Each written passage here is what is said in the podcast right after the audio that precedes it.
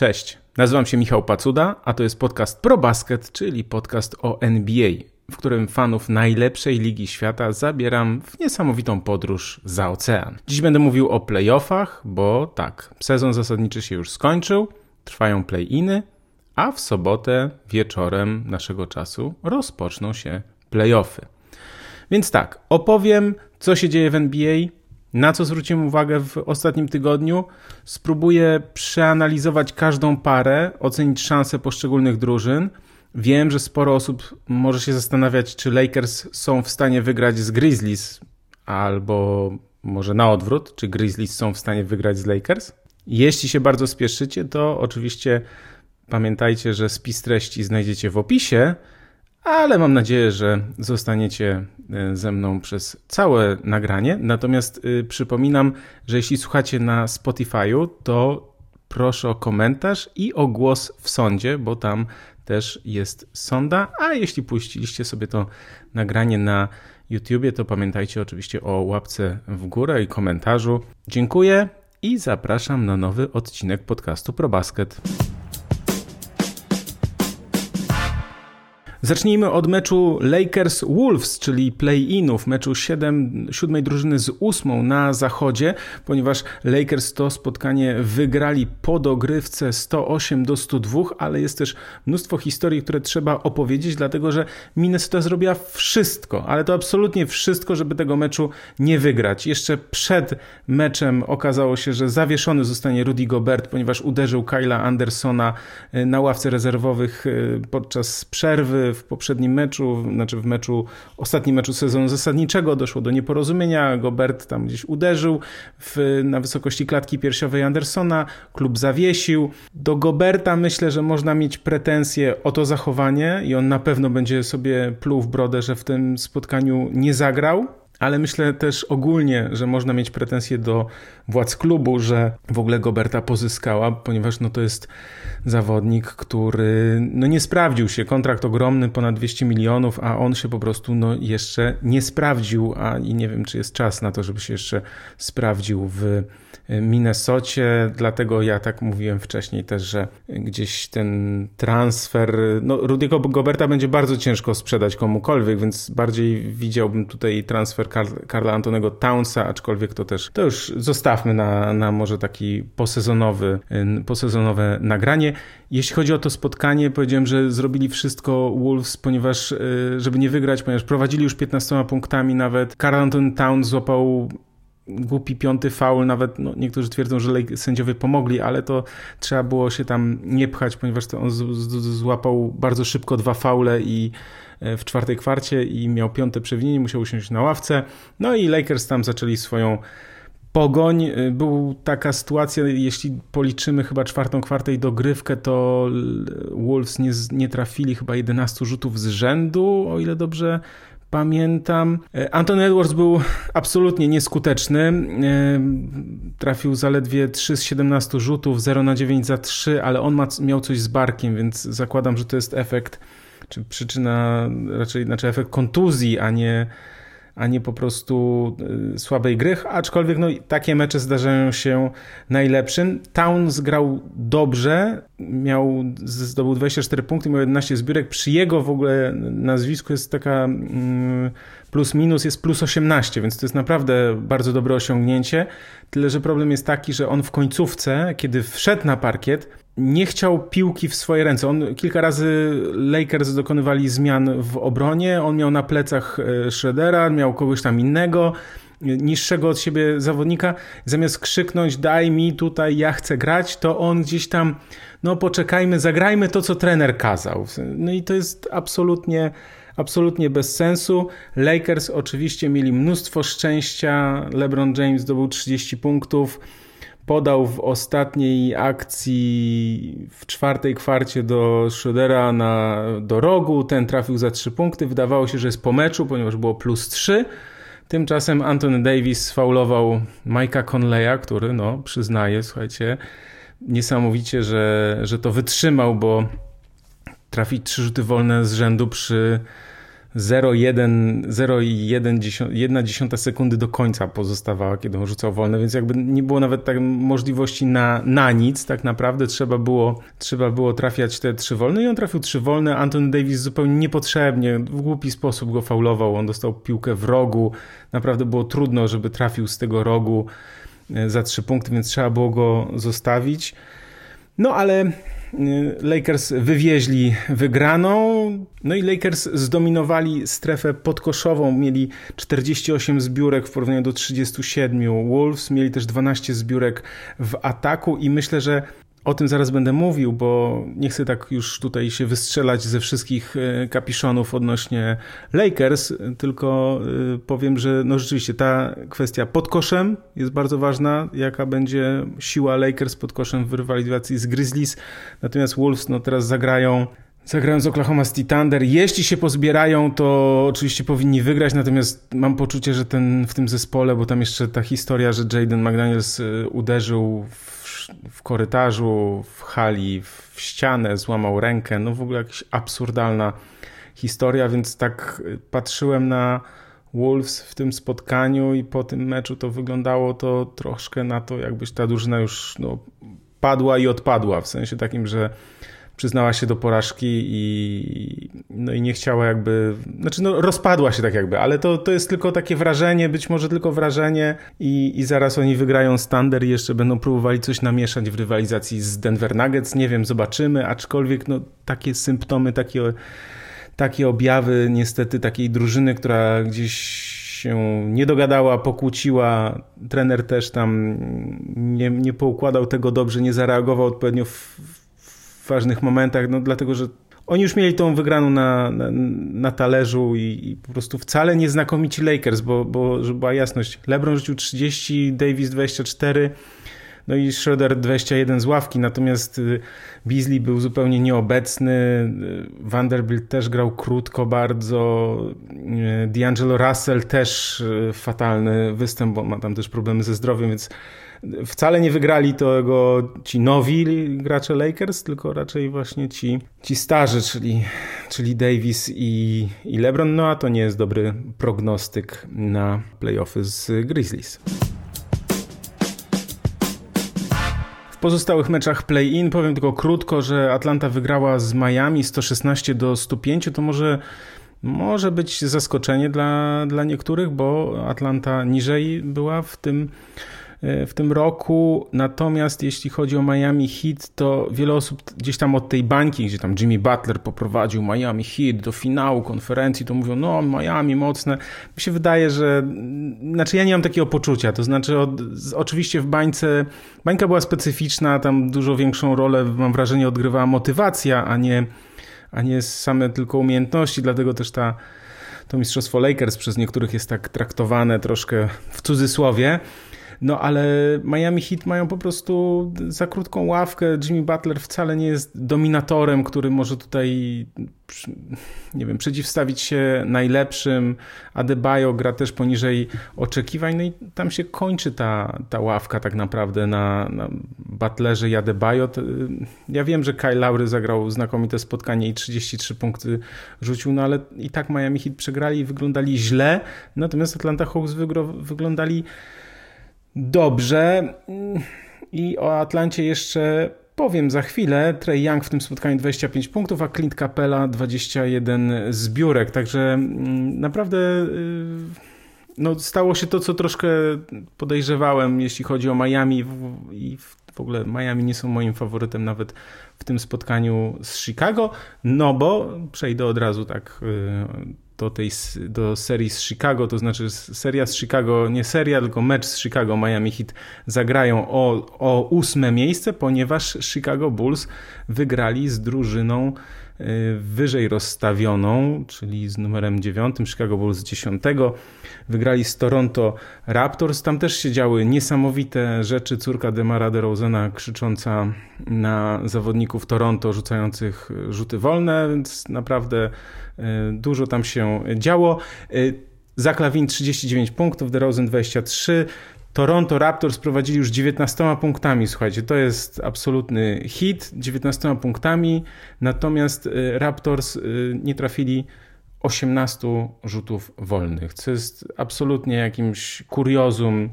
Nie wiem, tego się chyba nie da racjonalnie wytłumaczyć, bo normalnie drużyna rzuca tak, trafia w sensie 75%, 80% często też czasami, no powiedzmy. Natomiast w tym spotkaniu no 50%, 50% no można rzucić jak ktoś rzucał 2 na 4, a nie jak ktoś rzucał 18, 36 rzutów, więc to jest absurdalnie jakieś zaskakujące. Całego meczu nie widziałem, ale wiem, że w drugiej połowie to widziałem.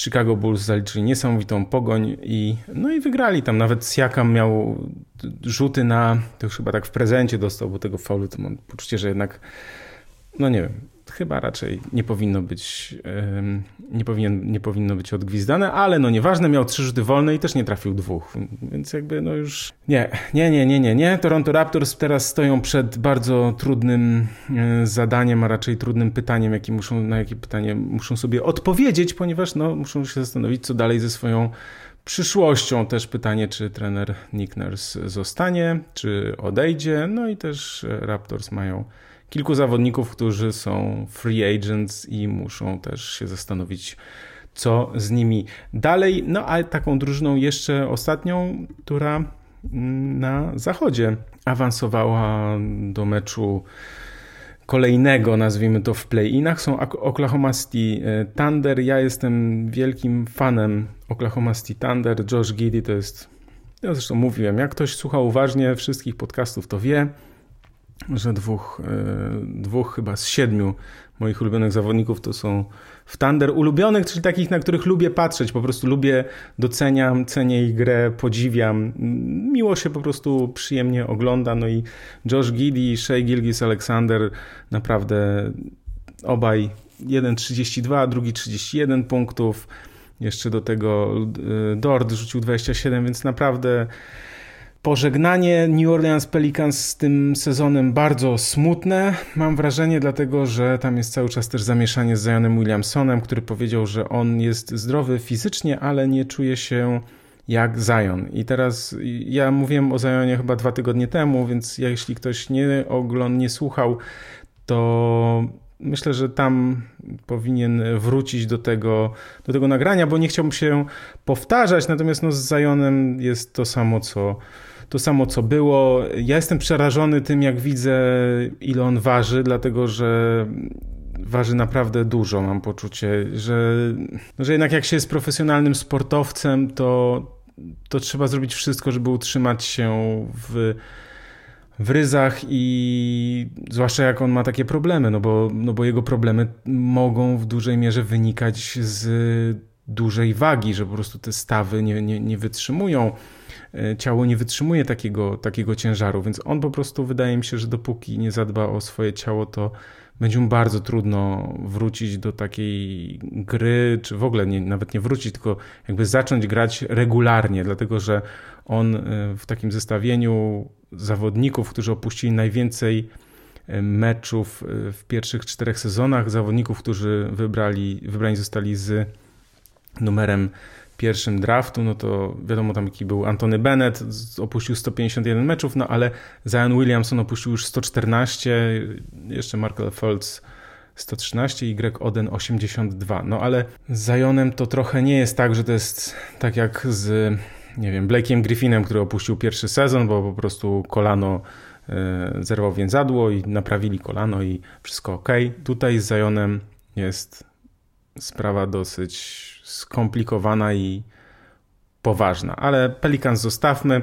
Wiem, że będą teraz e, Thunder grali z Wolves na wyjeździe i to, co powiedziałem o Wolves, dla mnie to jest ogromny znak zapytania, czy Minnesota się podniesie po tej porażce w Los Angeles, czy ten sezon odpuszczą, bo dla mnie są, ja nie twierdzę, nie, nie twierdzę, że jest albo jedno, albo drugie na pewno. Może być tak, że Anthony Edwards wyjdzie wściekły, rzuci 30 punktów i to po prostu pokaże wszystkim, na co go stać, bo przecież pamiętamy, że on w playoffach potrafi też grać na najwyższym poziomie. Natomiast może być też tak, że po prostu ten zespół no, motywacja spadła, będą się starać, ale będzie czuć tą atmosferę taką, to czasem wisi w powietrzu, że po prostu no czujemy, że, że nam nie idzie, coś jest, coś jest nie tak. I to, to są naprawdę dwa, dwa możliwe scenariusze. Oczywiście Wolves powinni być faworytami, bo z Thunder, młodą drużyną, y, powinni sobie poradzić, natomiast ja stawiam na, na Thunder w tym spotkaniu i myślę, że to będzie takie no, też bardzo miłe dla kibiców Thunder. Przypomnę też, o czym mówiłem przed tygodniem, ale to szybko powiem, ponieważ y, jeśli myślimy o playoffach, to od 20 lat jest y, serie są rozgrywane w pierwszej rundzie także do czterech wygranych. I teraz w seriach, w pojedynkach drużyn 1-8, 92,5% jest po stronie drużyny numer 1, czyli 37 na 40 wygrywała drużyna numer 1. W seriach 2-7 to jest aż 97,5%, ponieważ 39 z 40 takich serii wygrywała drużyna numer 2. W serii 3-6 drużyn z trzeciego i z szóstego miejsca, drużyna z trzeciego miejsca wygrywała 80% meczów, 33 na 40. Natomiast Oczywiście najciekawsza seria zawsze co roku 4-5, ponieważ drużyna numer 4 wygrywała tylko 55% e, meczów z drużyną z piątego miejsca, czyli 22 na 40. A mówię to dlatego, że jeśli się zastanawiacie, kto y, jest faworytem w której serii, że ta historia też, y, to co się działo wcześniej, to też ma znaczenie. No i trzeba też oczywiście pamiętać, że odkąd są play-iny, a więc od kilku lat, to jeszcze żadna drużyna, która awansowała do playoffów z play-inów, nie wygrała serii, no ale z drugiej strony no to musiałaby to być ta drużyna z ósmego albo siódmego miejsca, więc to nie jest takie proste, żeby wygrać z jedynką albo dwójką. No ale to wiemy jak jest i teraz się przyjrzyjmy temu, co przed nami, dlatego że w piątek w nocy są mecze Heat Bulls i Wolves Thunder, w sobotę wieczorem, ja powiem tylko o tych meczach, które możemy oglądać bez zarywania nocy. W sobotę wieczorem zaczynamy playoffy o godzinie 19:00 Philadelphia 76ers Brooklyn Nets, 21.30 Boston Celtics Atlanta Hawks, a w niedzielę bez zarywania nocy o 21:00 Memphis Grizzlies Los Angeles Lakers. Także pamiętajcie oczywiście, że można na League Passie i można też w Kanal Plus spotkania te oglądać. Jeśli dobrze spojrzałem, to te mecze późniejsze, czyli znaczy w sobotni późniejszy Celtics Hawks będą w Kanal Plus i w niedzielę o 21 Grizzlies Lakers również. A więc, y, no, oczekując tych spotkań, zapisując sobie, oczywiście ustawiając przypomnienia, że sobotni i niedzielny wieczór należy do NBA, przyjrzyjmy się teraz temu, co wydarzy się w playoffach, to znaczy kto z kim zagra i kto ma szanse większe na wygranie każdej serii. Ale zanim o tych seriach playoffowych powiem, to przypomnę, że w oficjalnym sklepie Nike jeszcze przez kilka dni jest, trwa wielka wyprzedaż. To jest oficjalny sklep Nike. Ja w opisie wrzucam e, link. Rabat jest do 50%, ponad 3000 produktów. W końcu wyszło słońce, więc naprawdę można przyjrzeć się tej ofercie i zobaczyć, czy jakieś buty na wiosnę i na lato, albo może jakąś bluzę czy koszulkę warto e, kupić, bo naprawdę rabat 50, 49, 40, 30 parę procent, oficjalny sklep Nike, bezpłatne zwroty, bezpłatna przesyłka. To wszystko możecie e, sprawdzić, polecam. Oczywiście zachęcam do tego, żeby to zrobić przez link, który ja polecam, a więc link, który wrzucam w opisie, ponieważ no wiadomo, że dzięki temu, jak zrobicie zakupy po kliknięciu w ten link, to przyczyniacie się do rozwoju serwisu ProBasket. Zacznijmy od pary Memphis Grizzlies, Los Angeles Lakers, a więc druga drużyna kontra siódmy zespół w lidze. Los Angeles Lakers oczywiście ostatnio grają bardzo dobrze, grali od tego, od czasu transferu, można też policzyć sobie te statystyki ich różne i bilans od meczu gwiazd, czwarta najlepsza drużyna w NBA, niby w ogóle najlepsza obrona, natomiast no musimy pamiętać, że to jest nadal siódmy zespół, y, jeśli chodzi o konferencję zachodnią i też to, co jest ważne, żeby też jednak zwrócić uwagę na to, że jeśli ten zespół miałby być faworytem, to teoretycznie niektórzy twierdzą, że powinien był po prostu Minnesota Timberwolves pogonić, rozgonić i wygrać bez problemu, a miał ogromne problemy. Ale spokojnie, ja tak nie twierdzę, że, że to, że zagrali słabo z Wolves, to znaczy, że będą grali też słabo z Grizzlies. Nie, to nie jest tak, że to tak można zero-jedynkowo sobie e, porównać, czy, czy przełożyć jeden mecz na, na drugi, dlatego że wiadomo, że jest mnóstwo czynników, które na to wpływa. Są te tak zwane meczapy, które jak wiecie, ja często lubię powtarzać, ponieważ no po prostu rywalizacja z jednym zespołem nam leży, z drugim nam nie leży, to znaczy, że z jednym po prostu jest łatwiejsza, z drugim jest trudniejsza. Wiemy jak jest. Najważniejsza kwestia, jeśli chodzi o tę serię Lakers, Grizzlies, Grizzlies, Lakers, to to, że w sezonie było 2-1 dla Lakers. To jest taka ciekawostka, ale chyba w jednym z tych spotkań Morant nie grał.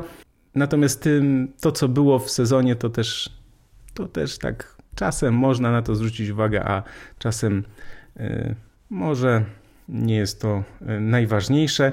Największy problem Memphis Grizzlies jest taki, że oni grają bez Adamsa i bez Clarka, czyli dwóch podkoszowych. Jedyny podkoszowy, taki główny, główny to Jaren Jackson Jr., który oczywiście jest kandydatem do nagrody dla najlepszego obrońcy, najlepszego defensora, natomiast no problemem jego jest to, że on często łapie faule i ma dużo fauli w wielu meczach średnio ale no to jest właśnie pytanie takie, czy, czy Davis, czy Anton Davis będzie w stanie to wykorzystać, bo na pewno Lakers będą grali dużo pod kosz i LeBron James będzie się chciał wbijać w tę strefę podkoszową i Anton Davis będzie chciał tam grać e, dużo, więc to jest na pewno po stronie Lakers pewnego rodzaju przewaga, że Grizzlies nie mają podkoszowych. Będą musieli sobie jakoś radzić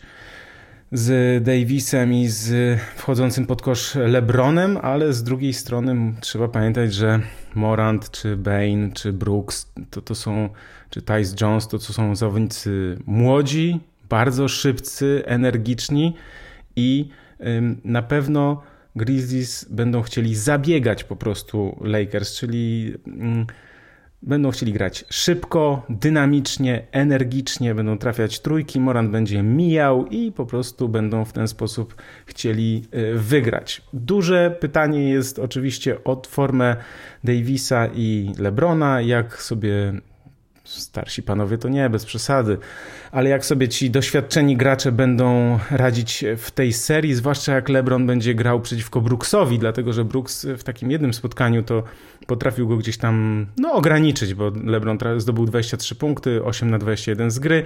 Na pewno będzie, jak to Amerykanie mówią, mówią annoying, czyli taki bardzo denerwujący. No i myślę, że bardzo ważne jest to, jak zagrają zawodnicy pozostali zawodnicy Lakers, to znaczy ławka rezerwowych, ale też no D'Angelo Russell, ponieważ yy, mam takie poczucie, że on czy Beasley mogą zarówno być po prostu game changerami, x-faktorami i po prostu pokazać, że ta seria należy do nich, są po prostu najlepsi, znakomici. D'Angelo Russell zatrzymuje Moranta, Beasley trafia 8 y, na 9 za 3 punkty i po prostu mamy niesamowitą historię, a z drugiej strony obaj ci goście mogą przejść obok serii, dlatego że y, mają. Y, D'Angelo Russell ma problemy z y, gdzieś ze zdrowiem. Beasley ma też tam czasem takie problemy, że nie trafi kilku rzutów, trener go sadza i nie ma gościa. Więc no, jest tu kilka tak zwanych znaków zapytania. I teraz tak, jeśli mnie pytacie, kto wygra, czy Lakers mają szansę, oczywiście, oczywiście szanse mają, natomiast wydaje mi się, że musiałoby się naprawdę zadziać coś niesamowitego. Nie mówię, że się nie zadzieje, ale wydaje mi się, że jednak większe szanse w tej serii mają Memphis Grizzlies. To oni zajmują drugie miejsce na zachodzie, mimo że, słuchajcie, Morant opuścił 21 spotkań, Bain opuścił 24 spotkania, Jaren Jackson Jr. opuścił 19 spotkań, Dylan Brooks opuścił 9 spotkań w tym sezonie. I grają bez Adamsa i e, bez Clarka, a mówię o tych opuszczonych spotkaniach. Chodzi mi o to, że mimo, że ci najlepsi zawodnicy opuścili mnóstwo spotkań, to oni i tak zajęli drugie miejsce na zachodzie. Więc to jest naprawdę zespół z długą ławką rezerwowych. Bardzo mnie ciekawi ten pojedynek. Myślę, że może być obok e, Suns Clippers jednym z najciekawszych, jeśli chodzi o nawet też i o dramaturgię, bo naprawdę może być ciekawie i, i Lakers nie powinni się dać zlać Grizzlies, aczkolwiek no ja stawiam, gdyby mnie ktoś tak zapytał, już tak naprawdę zmusił do, do typu, to ja mówię, że Grizzlies 4-2, ale to jest taki z taką nutką, nazwijmy to, niepewności. Kolejną serią, w której zmierzą się drużyny nazwijmy to taki pojedynek młodzieńczej fantazji oraz doświadczenia weteranów mistrzów. To oczywiście Sacramento Kings kontra Golden State Warriors. No i tak, ja powiem Wam szczerze, słuchałem wielu dyskusji dziennikarzy, ekspertów, byłych zawodników i niesamowite jest dla mnie to, że kiedy pada pytanie o to, kto wygra Zachód, jeszcze nawet nie wiem, tydzień temu, dwa tygodnie temu, nawet teraz, to chociaż teraz, teraz już pewnie mniej takich y, ocen będzie, ponieważ Suns będą grali z Clippers, ale nieważne. Chodzi o to, że jeszcze tydzień temu faworytami wymieniani byli Suns, Warriors i Clippers. I nikt nie mówił o trzech najlepszych zespołach, czyli Nuggets, Grizzlies i Kings, co jest naprawdę myślę, że niesamowite, że no, mamy to, to pokazuje, że zresztą, że mamy taki niesamowity sezon, że, że pierwsze trzy najle, najlepsze drużyny nie są wymieniane, żadna z nich nie jest wymieniana jako faworyt mm, zachodu. To jest naprawdę niebywałe, ale to zostawmy. Przejdźmy do tej serii Kings Warriors. Kings po 17 latach wracają do playoffów i ktoś złośliwie powiedział, że Kings nie przegrali od 16 lat meczu w playoffach ale ja cię śmieszku znajdę, tak, tak. To nie jest, y, to nie jest coś, z czego można się śmiać, ponieważ Sacramento Kings są drużyną, która w tym roku, słuchajcie, zajmuje, zajęła trzecie miejsce na zachodzie i nie miała żadnego większego kryzysu w trakcie rozgrywek. Diaron Fox jest klacz jak cholera, to znaczy, że zdobywa punkty, najwięcej punktów w całej NBA, jeśli chodzi o ten clutch time, czyli ten czas taki najważniejszy, kiedy jest y, ostatnie 5 minut meczu lub dogrywka i kiedy jest plus minus 5 punktów, czyli taki decydujący czas, nazwijmy to, y, kiedy jest. I Diaron Fox no, z pewnością siebie ogromną zdobywa, zdobywa mnóstwo punktów. Oczywiście Sacramento Kings rzucali w tym sezonie najwięcej punktów średnio w całej lidze, no ale też tracili sporo, wiemy, ale oprócz Diarona Foxa trzeba pamiętać, że Sabonis ma za sobą znakomity sezon, 19 punktów, ponad 12 zbiórek, 7 asyst i jeszcze skutecznych rzutów z gry ponad 60%, więc y, naprawdę y, Sabonis i Diaron Fox, ale też no tam jest cała lista zawodników, którzy naprawdę grali dobrze, bo jest y, Huerter, który y, wiemy, że trafia za trzy punkty, po prostu super strzelec wychodzący po zasłonach, jest doświadczony Harrison Barnes, jest Malik Monk, na którego też można stawiać, Keegan Murray gra dobrze, są też jeszcze pozostali zmiennicy, więc naprawdę Sacramento Kings są ciekawą drużyną, która dużo w tym roku osiągnęła i wcale to wcale nie oznacza, że zakończą ten sezon już za chwilę i że powinni się cieszyć z e, tego, że nawet awansowali do playoffów, dlatego że ja uważam, że mają naprawdę bardzo duże szanse na awans do drugiej e, rundy, bo Golden State Warriors to oczywiście mistrzowie, ale pamiętajcie, że ten sezon zaczęli od awantury, kiedy Green uderzył pula.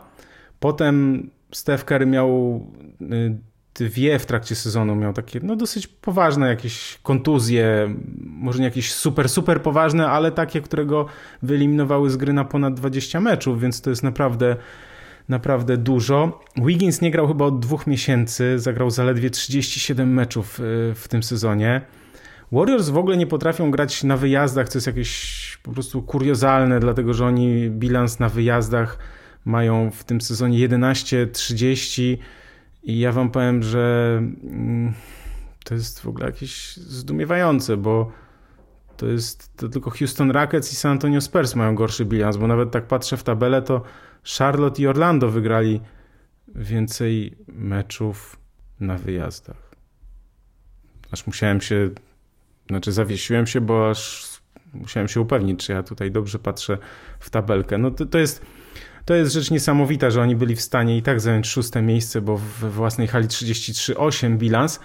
Oczywiście ważne jest to, że Kings y, mają w tym sezonie bilans 3-1. To jest duży, no duży plus po stronie Warriors, ale no, trzeba spojrzeć po prostu na Warriors realistycznie. Y, więc na pewno nie są tą drużyną, którą byli y, w zeszłym roku. Jestem bardzo ciekaw pojedynku Foxa ze Stephem Kerem. To naprawdę może być mistrzostwo świata, jeśli chodzi o taką, taką rywalizację na, na danej e, pozycji. I to jest, słuchajcie, taki, taki pojedynek doświadczenia z młodością. I ogromne pytanie jest, kto wyjdzie z tego pojedynku zwycięski. Ja mówię Sacramento Kings 4-2. Jakoś, nie wiem, trudno mi się patrzy na Golden State Warriors i też trochę gdzieś tam pewnie po cichu, gdzieś po cichu sobie tak no życzę, czy, czy, czy chciałbym trochę, żeby to Sacramento właśnie wygrało. To jest taka moja nutka kibicowska, ale to nawet nie chodzi o to, że ja im kibicuję jako, jako drużynie, tylko lubię jak się coś dzieje takiego, jak młodzież wygrywa z doświadczonymi, z weteranami, to zawsze jakoś tam Dużo fajnych e, historii jest tego, tego Stefa, to już żeśmy widzieli, jak tam 30 razy trafił za 3 punkty z 15 metra, więc może niech teraz bohaterem zostanie Fox albo Sabonis albo Huerter. No proszę bardzo, czemu nie?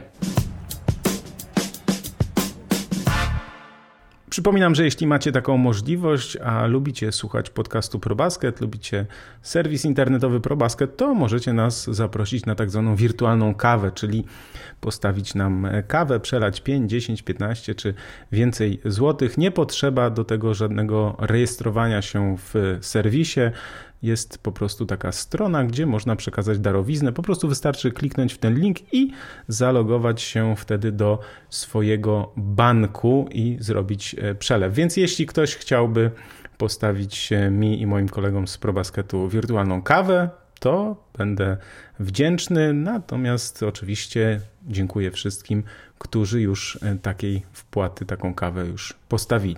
Dzięki. Kolejną bardzo ciekawą parą na zachodzie są Phoenix Suns i Los Angeles Clippers. Ta rywalizacja wydaje mi się być bardzo, bardzo interesująca, przynajmniej na papierze, bo to są drużyny z czwartego i z piątego miejsca, więc tylko 55% meczów y, wygrywała, czy rywalizacji wygrywała drużyna z czwartego miejsca. W sezonie między tymi drużynami był remis 2-2, ale myślę, że to nie ma znaczenia, dlatego że Phoenix Suns wiemy, przyszedł Kevin Durant i to jest najważniejszy game changer tej e, całej e, serii, czy te, całej, całego sezonu, jeśli chodzi o Phoenix Suns. No i teraz Suns to, to jest e, Durant i oczywiście Booker, mają też Aytona, Chrisa Pola ale mają krótką ławkę rezerwowych. Natomiast Los Angeles Clippers ostatnio męczyli się w ostatnim meczu sezonu zasadniczego, strasznie się męczyli z rezerwowymi Phoenix Suns, ale nie wiem czy. No właśnie, nie wiem, a może specjalnie się męczyli? Nie, chyba nie specjalnie się męczyli. Po prostu się męczyli. Nie mają Pola Georgia, bo on ma problemy z kolanem. Całe szczęście, że to nie jest bardzo poważna kontuzja, bo wyglądało to fatalnie. No i no jeśli Paul George zagra, no to może być. E, znaczy, nie wiadomo w jakiej będzie formie. Wydaje mi się, że nie będzie w optymalnej e, formie takiej najlepszej, więc pytanie jest takie, czy Kawhi Leonard jest w stanie to e, pociągnąć sam. On oczywiście rozgrywa bardzo dobry sezon, jeśli chodzi o statystyki, bo prawie 24 punkty średnio i dobra skuteczność, ponad 41% za 3, ponad 50% z gry, 87 z wolnych, tylko on zagrał w zaledwie 52 meczach, więc opuścił 30 spotkań w tym sezonie.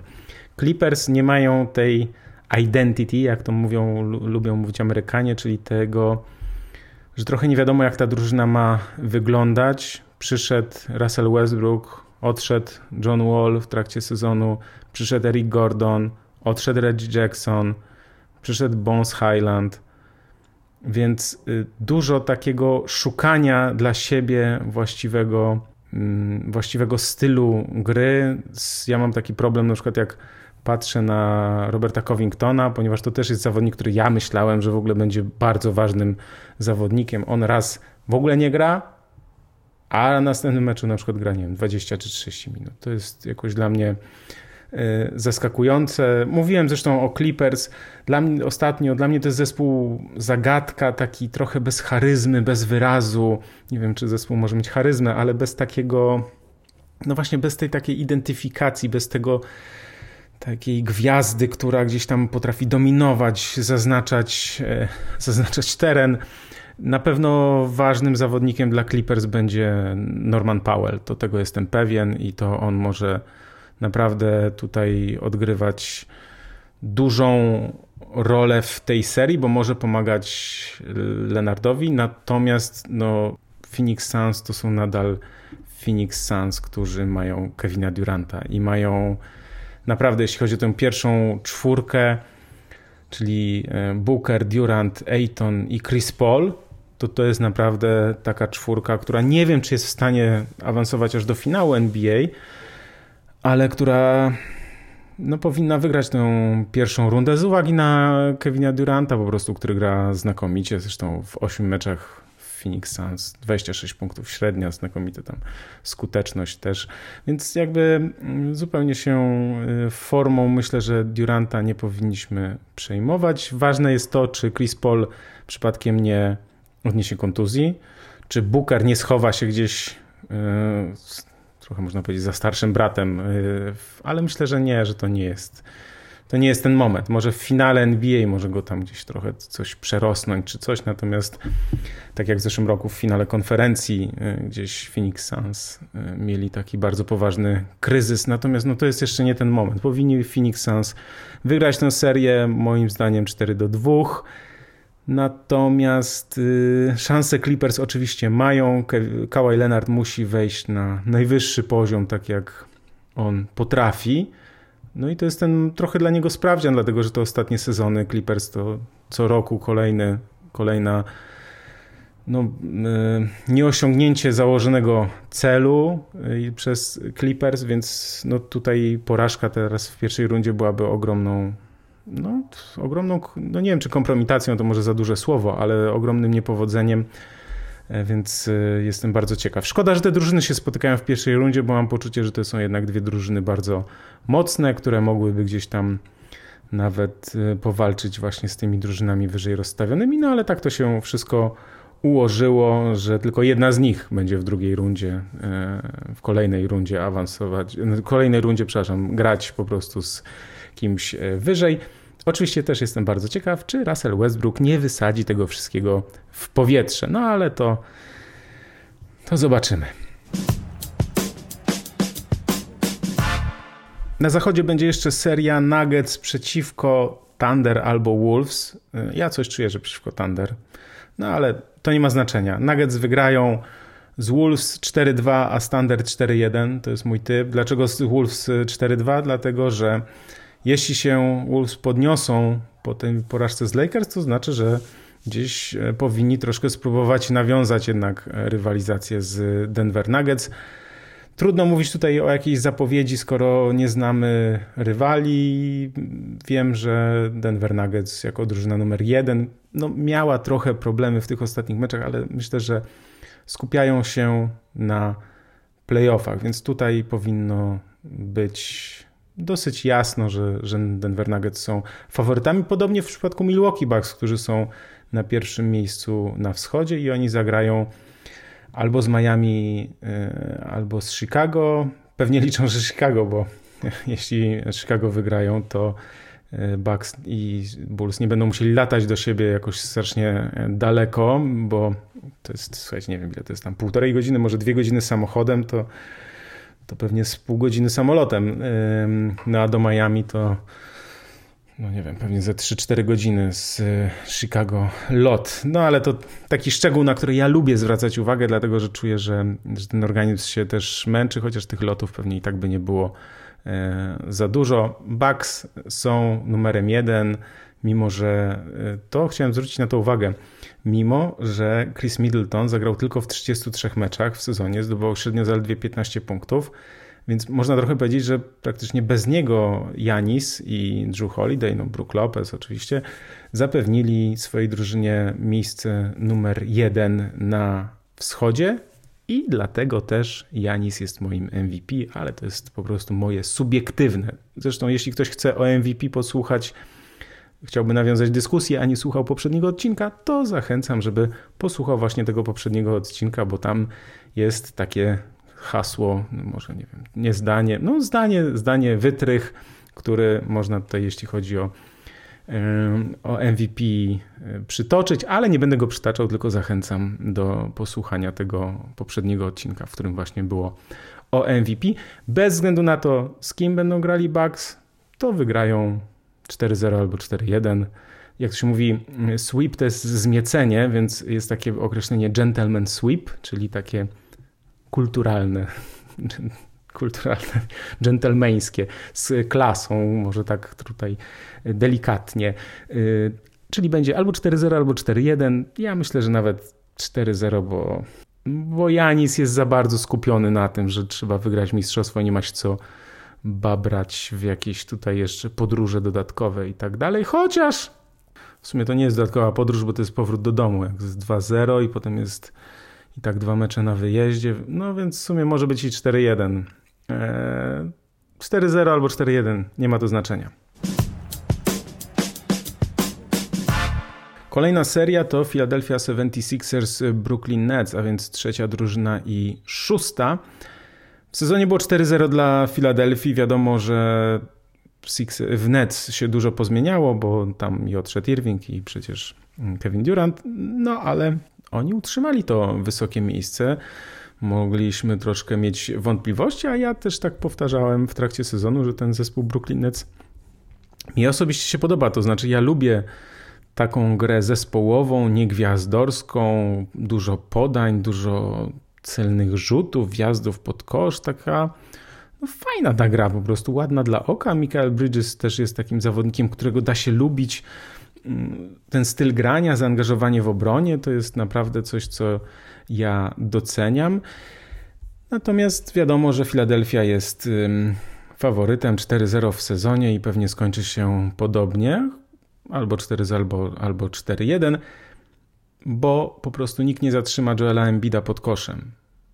Warto się przyjrzeć temu, co Brooklyn Nets będą próbowali wymyślić przeciwko Embiidowi, natomiast on powinien po prostu tę strefę podkoszową zdominować, Claxtona tam po prostu zmasakrować i, i to by było na tyle, jeśli chodzi o pierwszą rundę, dwa mecze pewnie u siebie, najpierw gładziutko, potem może być jakoś tam troszkę więcej jakiejś niepewności na wyjeździe, ale nie sądzę, żeby to nam się miało skończyć jakimś E, zaskakującym wynikiem, bardziej 4-0 albo 4-1, aczkolwiek jeśli dojdzie do jakiegoś, nie wiem, 4-2 czy 4-3, to to jest sygnał dla kibiców Filadelfii, że coś tam się złego dzieje. Ja wiem, że Embiid ma sezon MVP, 33 punkty średnia, 10 zbiórek, e, znakomite po prostu mecze. Wiem, James Harden też świetnie e, grał, tak troszkę zszedł w cień, E, rzucał po 21 punktów, blisko 11 asyst w meczu, więc yy, tak, jasne. I to na tę pierwszą rundę przeciwko, na tę pierwszą rundę przeciwko Brooklyn Nets powinno wystarczyć.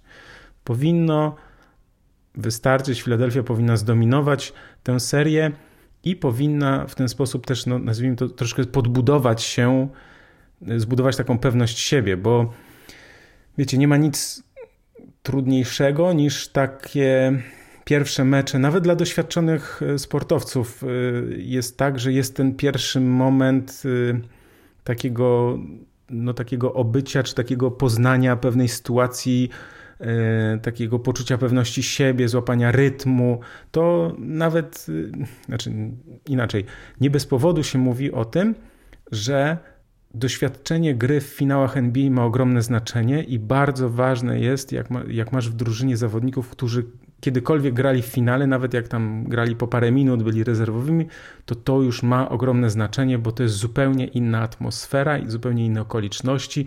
Kibice, ranga, media, to jest naprawdę zupełnie coś innego, więc Myślę, że w Filadelfii jest podobnie, jeśli chodzi o playoffy, że oni chcą te playoffy dobrze za, zacząć takim mocnym uderzeniem, że będzie troszkę nerwów, ale mają dosyć niewymagającego przeciwnika, to znaczy znów te meczapy przeciwko Brooklyn Nets są dla nich, powinny być przynajmniej w miarę takie, no, może nie chcę powiedzieć proste, ale w, przede wszystkim jeśli chodzi o Embida. Natomiast druga runda, no to już wiadomo, że zostawmy drugą rundę w spokoju, bo e, no to już zupełnie inna historia, tak? To znaczy z, zobaczymy oczywiście z kim się zmierzą, kto wygra i tak dalej, ale to, już, to o tym będę mówił później. Natomiast dla Filadelfii myślę, że to jest ważne, żeby tutaj w tej serii przeciwko Nets zbudować taką pewność siebie właśnie na tę drugą rundę. Kolejna para na wschodzie to oczywiście Boston Celtics Atlanta Hawks, a więc drużyna numer 2 kontra drużyna numer 7. W sezonie Celtics wygrali wszystkie trzy spotkania i są oczywiście murowanymi, zdecydowanymi faworytami w tej rywalizacji.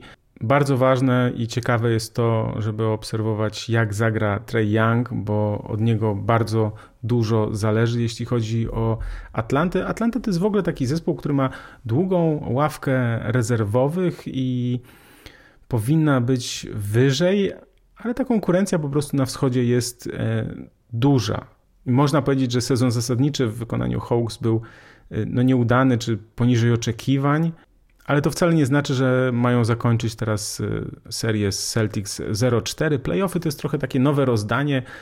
Każda runda to jest y, no, nowa rywalizacja. Zaczynamy od zera, więc tutaj na pewno Trey Young i Dejante Murray będą się starali y, walczyć i mogą też zaskoczyć Boston Celtics, dlatego że oni pod koszem, no wiemy, że Robert Williams zagrał tylko w 35 meczach i tak gdzieś tam będą szukać dla siebie tej szansy. Jest John Collins, jest Clint Capella, będą gdzieś tej szansy pod koszem sobie upatrywać.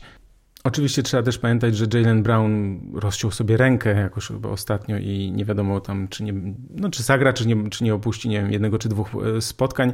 Oczywiście, tak jak powiedziałem, Celtics są faworytami, ja typuję 4-1, natomiast yy, wszystko inne od zdecydowanego zwycięstwa Celtics będzie no, miłym zaskoczeniem dla kibiców e, Hawks. Na pewno Hawks będą walczyć, będą też szukać takiej odpowiedzi dla siebie, no bo no bo ten sezon nie był udany. Też pamiętajmy o tym, że taka pojawiła się informacja, że Trey Young może zostać wytransferowany, że władze klubu czy właściciel klubu dał, dał znać, że jest otwarty na transfer, co oczywiście w takim momencie nie wpływa zbyt pozytywnie na, na zespół. No ale to Podobno oczywiście zaprzecze, znaczy właściciele zaprzeczają.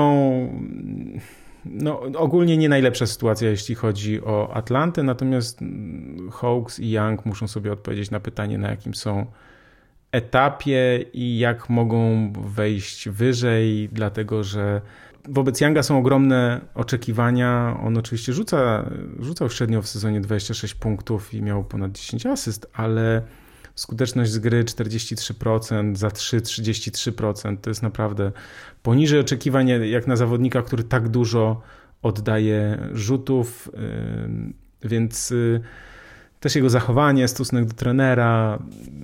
No wiemy, że tam było sporo kwasów w w Atlancie.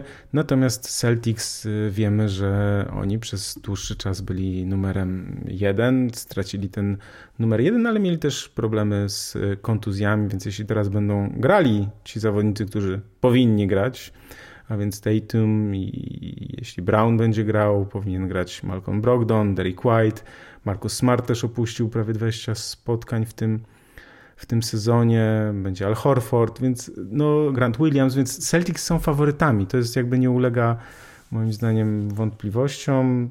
Pytanie na ile Hawks będą w stanie się postawić. I jeśli się postawią, no to Celtics mają problem i pytanie, czy to będzie dobrze świadczyć, czy raczej źle świadczyć o Celtics. To jest dla mnie ciekawe pytanie, żeby w tej serii obserwować, jak oni sobie poradzą z Youngiem i z Kapelą.